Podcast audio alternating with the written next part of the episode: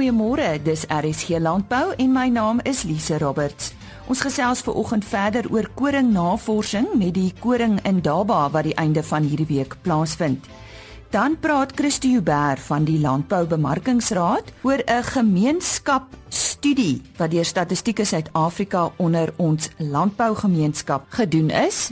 Lorraine Müller van die Instituut vir Graangewasse sê oestyd vir grondbone is om die draai en ons gesels met Dawie Marie van FNB oor die komende begroting en wat hulle verwag. Die koring in Daba wat aangebied word deur Agbus Grain vind op 17 Februarie in Pretoria plaas sowel die 21ste Februarie by Elsenburg. Een van die sprekers is Dr. François Kokemoer van Sensaku. Môre Lisa, nee, Sensaku is um, 'n privaat maatskappy ehm um, wat seker die grootste rolspeler in die Suid-Afrikaanse koringmark is. Ons besit seker omtrent so tussen 70 en 80% van die koring wat in die land dan geproduseer word is uit ons teelprogram uit of van ons kultivars af.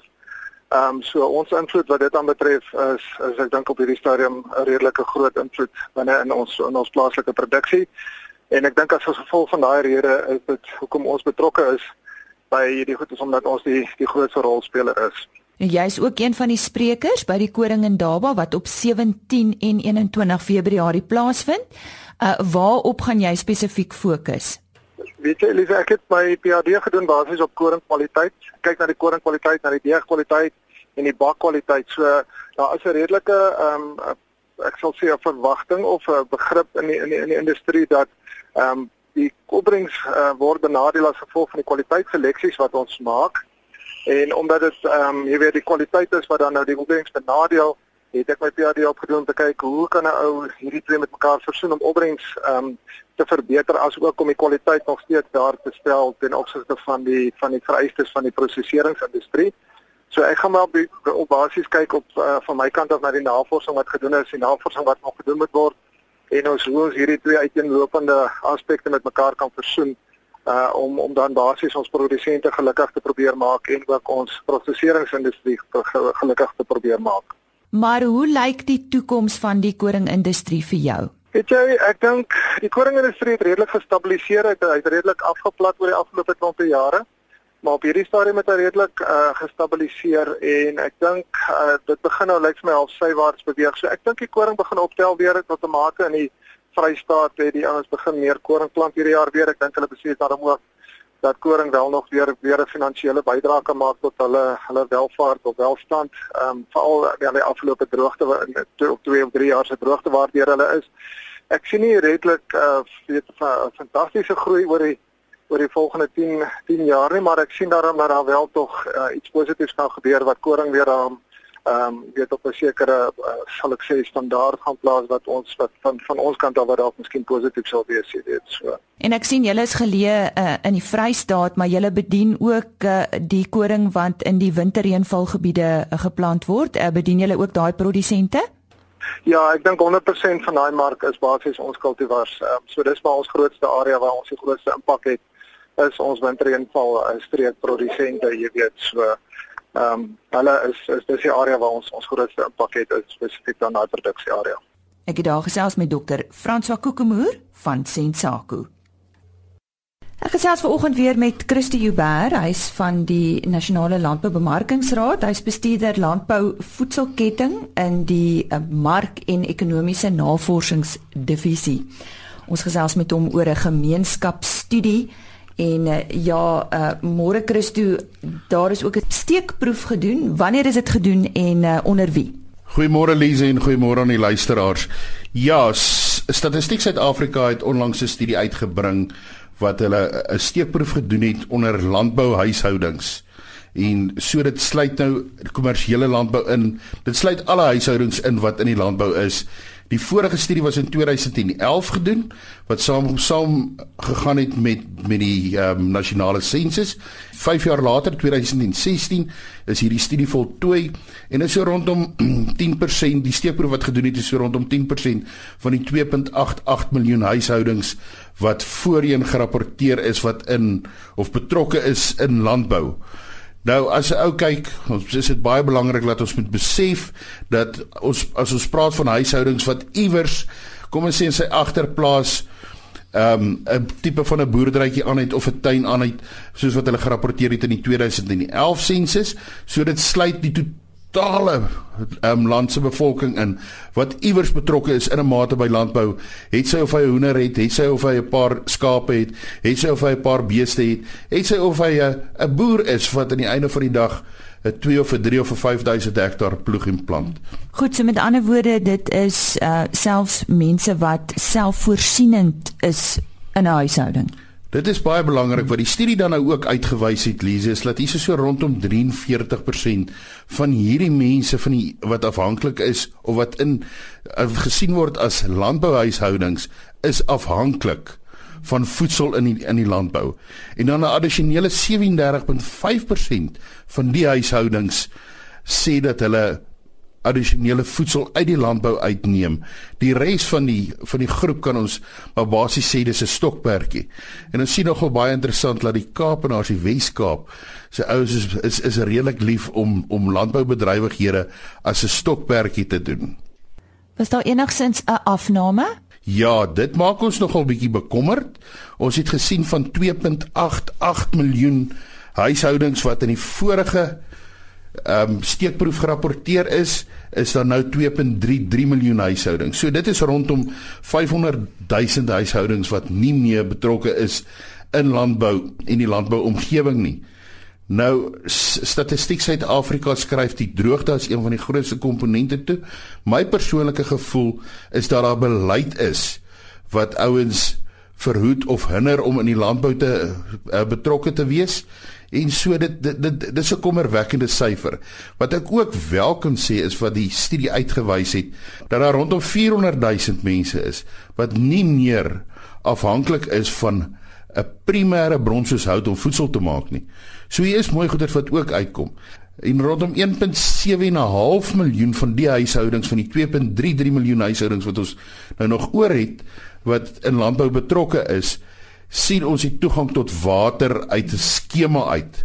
So hier is hier is baie groot vordering wat gemaak is in terme van van toegang tot water, toegang tot ander bronne van energie mm -hmm. ensovoorts of mense wat net suiwer gesê het, mm -hmm. hoor jy ek verstedelik eerder ek skuif na die stede toe. Mm -hmm. Nou uh Statistiek Suid-Afrika se bevindinge hoekom mense nie meer by landbou betrokke is nie, jy het nou hier gepraat van droogte, maar is daar soos jy sê jou opinie nie ook talle onsekerhede tans nog in landbou nie? Ja, natuurlik is daar baie onsekerhede in landbou. Ek bedoel ons as ons net kyk na van die wetgewing wat wat plaasvind of wat wat wat dryf wat ge, uh, dreig om geïmplementeer te word.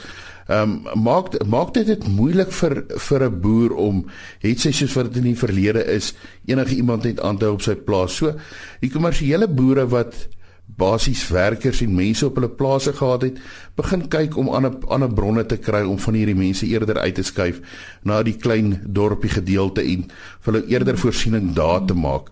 So dit is dit is 'n dis 'n dis 'n bietjie 'n kommer um, rondom rondom die goeders en dan ook die die arbeidswetgewing, minimumlone en daai goed. Dit moet natuurlik 'n impak hê op die op die totale op die totale prentjie. Nou goed, minder landbou, minder huishoudings betrokke by landbou, minder kos. Uh dit is wat ons eintlik hier probeer sê en wat is die staat se planne? Wat wat gaan gebeur?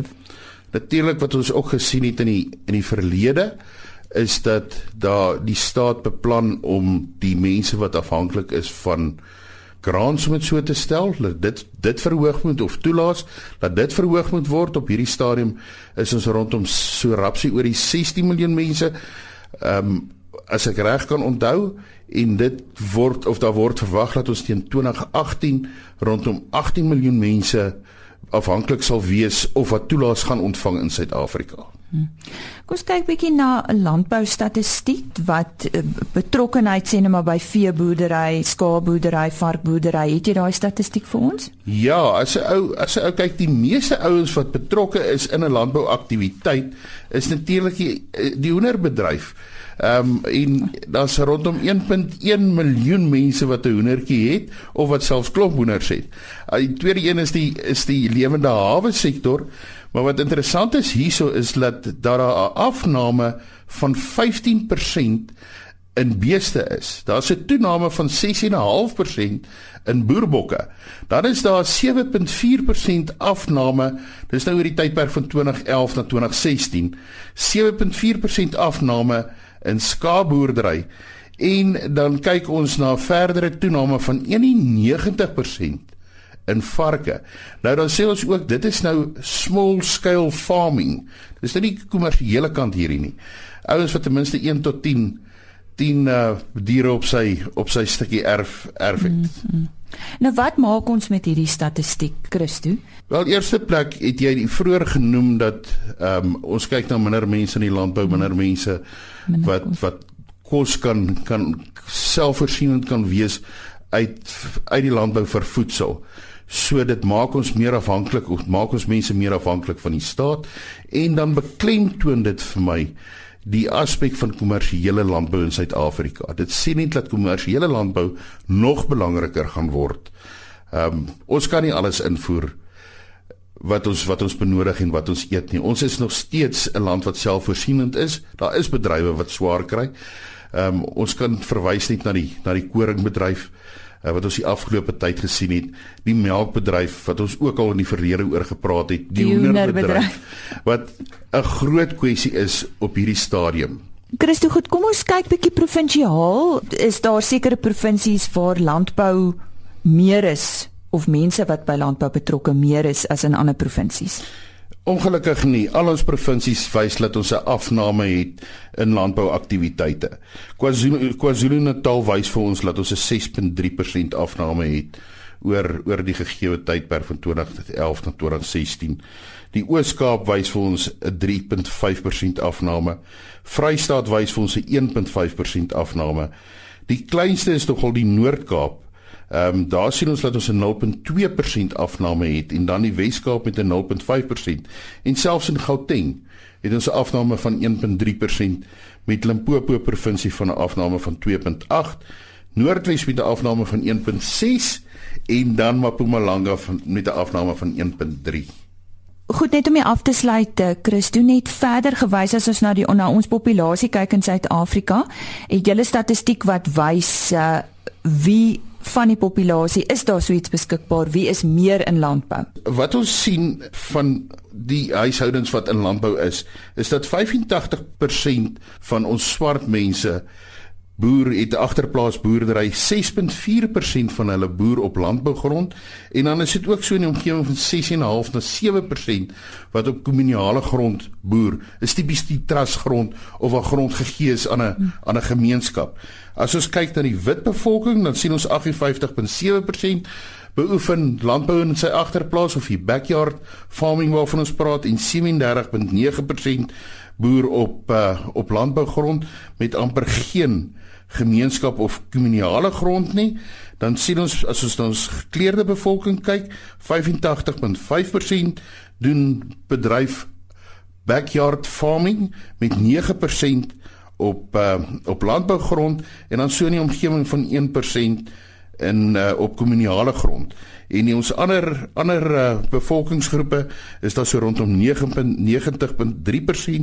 van die mense beoefen backyard farming met amper geen uh, kommunale grond en 6.7% van hulle sit met uh, landbougrond wat hulle hulle landbouaktiwiteite beoefen. Nou ja, dit was interessante statistiek wat met ons gedeel is deur Christo Huber van die Nasionale Landboubemarkingsraad. Louis Style is die rasdirekteur van Bonsmara Suid-Afrika. Ons gaan uh, met hom gesels oor 'n splinter nuwe tydskrif van die rasgenootskap en uh, ons uh, wil 'n bietjie meer uitvind oor oor hierdie tydskrif. Het het die genootskap 'n uh, tydskrif gehad in die verlede, Louis? Ons het uh, die jaarlikse joernaal gehad wat verskyn het en uh, ons ver, vervang dan nou basies ons joernaal met 'n uh, met hierdie tydskrif wat twee keer 'n jaar gaan verskyn word. Ja, elke jaar een keer in Maart en een keer in Augustus. en, en hoe gaan hy verskil van dit wat voorheen verskyn het? Die tydskrif is baie sel is baie in is in terme van inhoud baie dieselfde. Dit is nog steeds baie lekker artikels, baie wetenskaplike artikels tot lekker lees artikels en uh, ons teelers het nog steeds die kans om om te adverteer in die, in die in die tydskrif. Ons grootste fokus is ons teelers advertensies, maar dan verskil hy deurdat ons met ons joernaal slegs 4000 versprei het, maar met die tydskrif bereik ons 'n baie groter uh, groter verspreidingsgetal en kan ons baie meer boere en veral die kommersiële boere bereik. Uh, was dit nou op aandrang van die uh noem dit nou maar die Bosmara boere self dat julle hierop besluit het? Nee, ons het dit uh, die raad het dit besluit uh en dit is 'n uit en uit 'n bemarkingsbesluit wat gemaak is. Soos ek sê, die verspreidingsarea is baie groter en uh, dit was ook nie meer koste-effektief om teen 'n hoë koste slegs 4000 uh publikasie of ja, 4 4000 vers, verspreiding te doen nie en uh, dit is hoekom ons nou teen 'n baie laer koste 'n baie groter mark bereik. Hmm uh Bonsmara die rooi ras. Dit is die tydskrif se naam, né? Nee? Ja, dit is korrek. Dis in Afrikaans dus. Ja, die tydskrif se naam se naam is Afrikaans, maar die tydskrif is wel 'n tweetalige tydskrif omdat hy versprei word saam met die veeplaas, die stokfarm en die farmbus en ons probeer ook om baie van die opkomende boere ook te betrek en daarom is baie van die artikels is tweetalig ook om 'n internasionale mark beter te dek. Is daar 'n internasionale mark vir die tydskrif? Daar is versekerde internasionale mark vir die mark vir die tydskrif vir vir veral deesdae met die met die tegnologie wat soveel verbeter het. Baie mense lees uh, baie baie van ons van die ander genootskappe wat deel is van die Wêreldfederasie in Kolumbie, Brasilië, Argentinië, lees ook ons artikels en lees die tydskrif aanlyn. Ja, is interessant dat jy sê die Wêreldfederasie. So die Bonsmara is nie net eintlik uh, gewild in Suid-Afrika nie. Nee, die Bonsmara het, het in die laaste 50 jaar toegeneem van 'n klein ra, van 'n van 'n ras wat begin is tot tot een van die grootste in Suid-Afrika en ons het reeds nou teelersgenootskappe uh, in Namibië en dan ook oor see in Suid-Amerika, Brasilië, Argentinië en dan is daar ook natuurlik diere wat wat in Australië en in Amerika ook is. Ja, hulle sê die afgelope droogte was die groot toets, nê? Nee? En het die Bonsmara die toets uh, deurloop. Ek dink die Bonsmara het uitstekend gevaar in die in die droogte. Ek dink ons het baie goeie terugvoer ook ook ontvang en hoewel daar daar daar in sekere gebiede ook maar kinder kudde verminderings was, kon jy duidelik sien die verskil tussen die tussen die kondisie waarop Bonsmara diere was aan die einde van die droogte en ek dink um, ons ras het baie sterk deur die droogte gekom en dit is ook lekker om te weet mense gaan nou weer in 'n opgangfase met die lekker reën wat ons gehad het. Uh waarheen beweeg die Bonsmara in Suid-Afrika? Wat is sy doelwit? Ek dink die grootste doelwit van van Bonsmara is is 'n goeie vleiskwaliteit om 'n ras te lewer wat aanpasbaar is in enige in enige omstandighede in Suid-Afrika. En ek dink ek dink dit is vir veral belangrik daarna om te kyk na wat die verbruiker wil hê. En die verbruiker wil goeie kwaliteit vleis hê en soos wat ons huidige of soos soos wat onlangse karkas resultate gewys het oor die laaste paar jaar die Bonsmara is baie gesog vir 'n goeie karkas en is ook baie gesog in die karkas kompetisies in die voerkrale. Daar is nogal 'n neiging deesdae dat uh, ouens gaan vir handelsmerk bemarking. Uh, kan 'n mens ons maar af vleis koop? Ja, daar is nou Bonsmara vleis beskikbaar.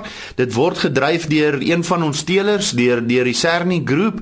Hulle het het 'n hele uh nas naspoorbaarheid uh wat naspeurbaarheid wat hulle gebruik om die om die vleis van die abat of, van die voerkraal uh tot tot by die abattoir as Bonsmara te sertifiseer en die Bonsmara vleis is is is beskikbaar by alle country meat slag slaghuise.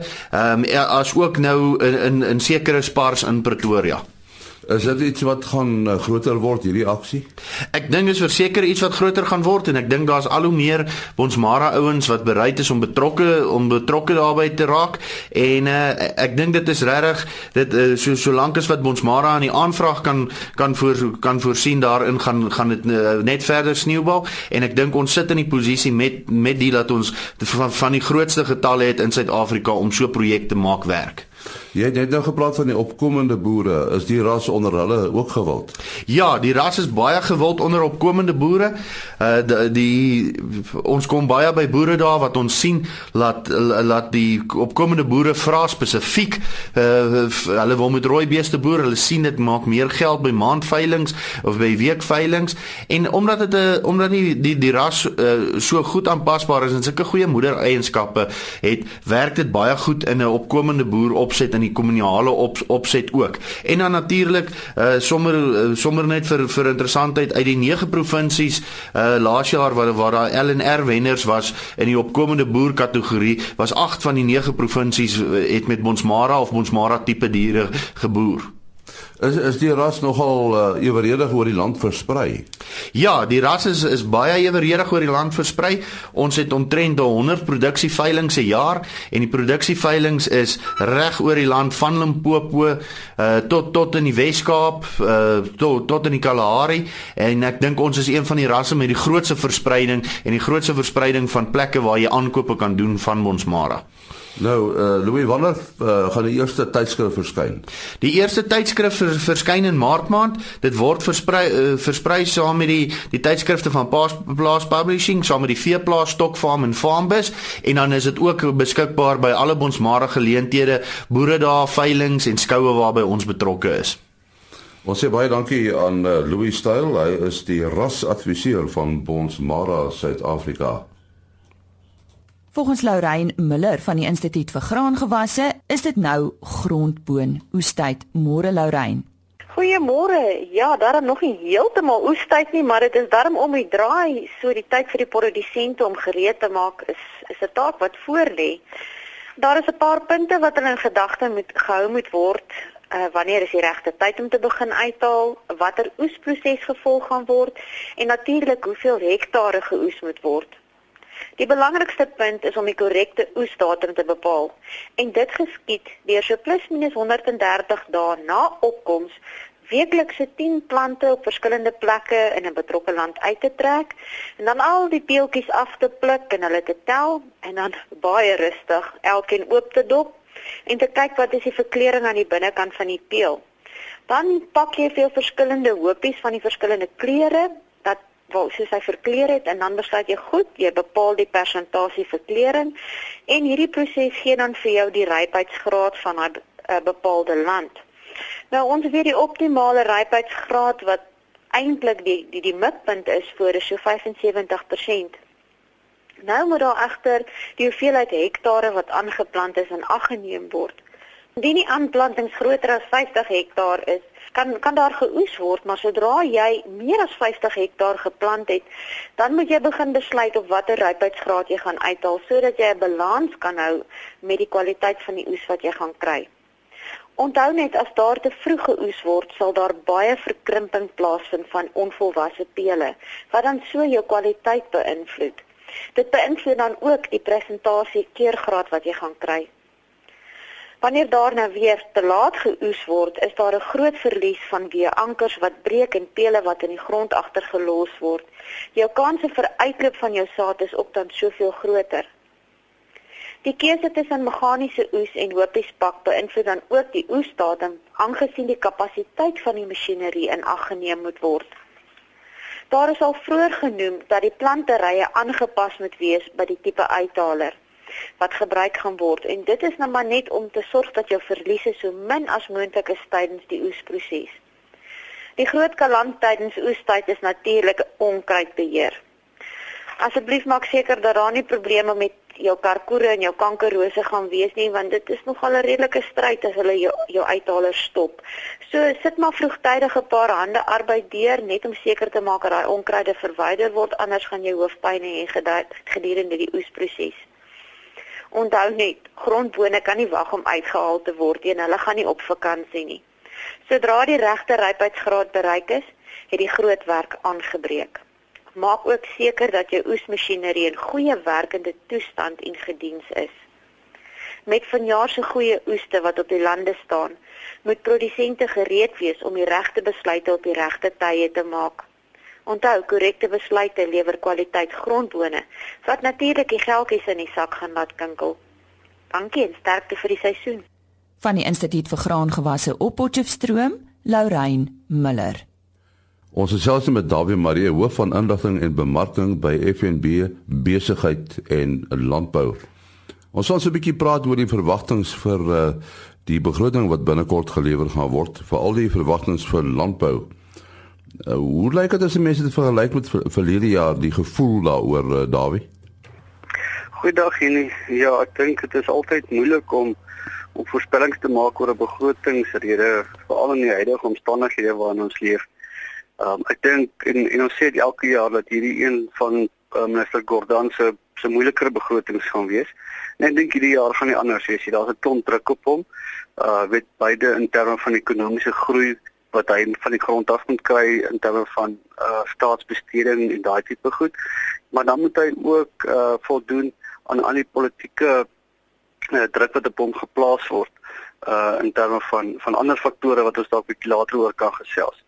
As ons kyk na landbou dan dan sien ons vir die laaste paar jaar is daar nie regtig uh, goeie nuus of of uh met uitskieters in terme van van wat ge, gedoen word vir landbou nie.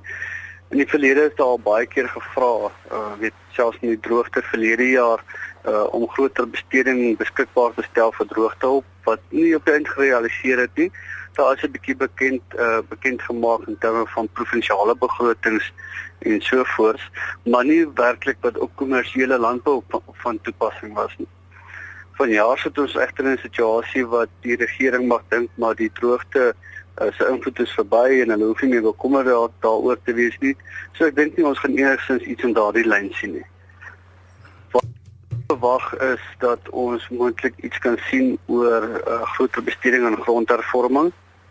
Daar's groot druk op die regering om om nou begin uh, resultate te begin toon.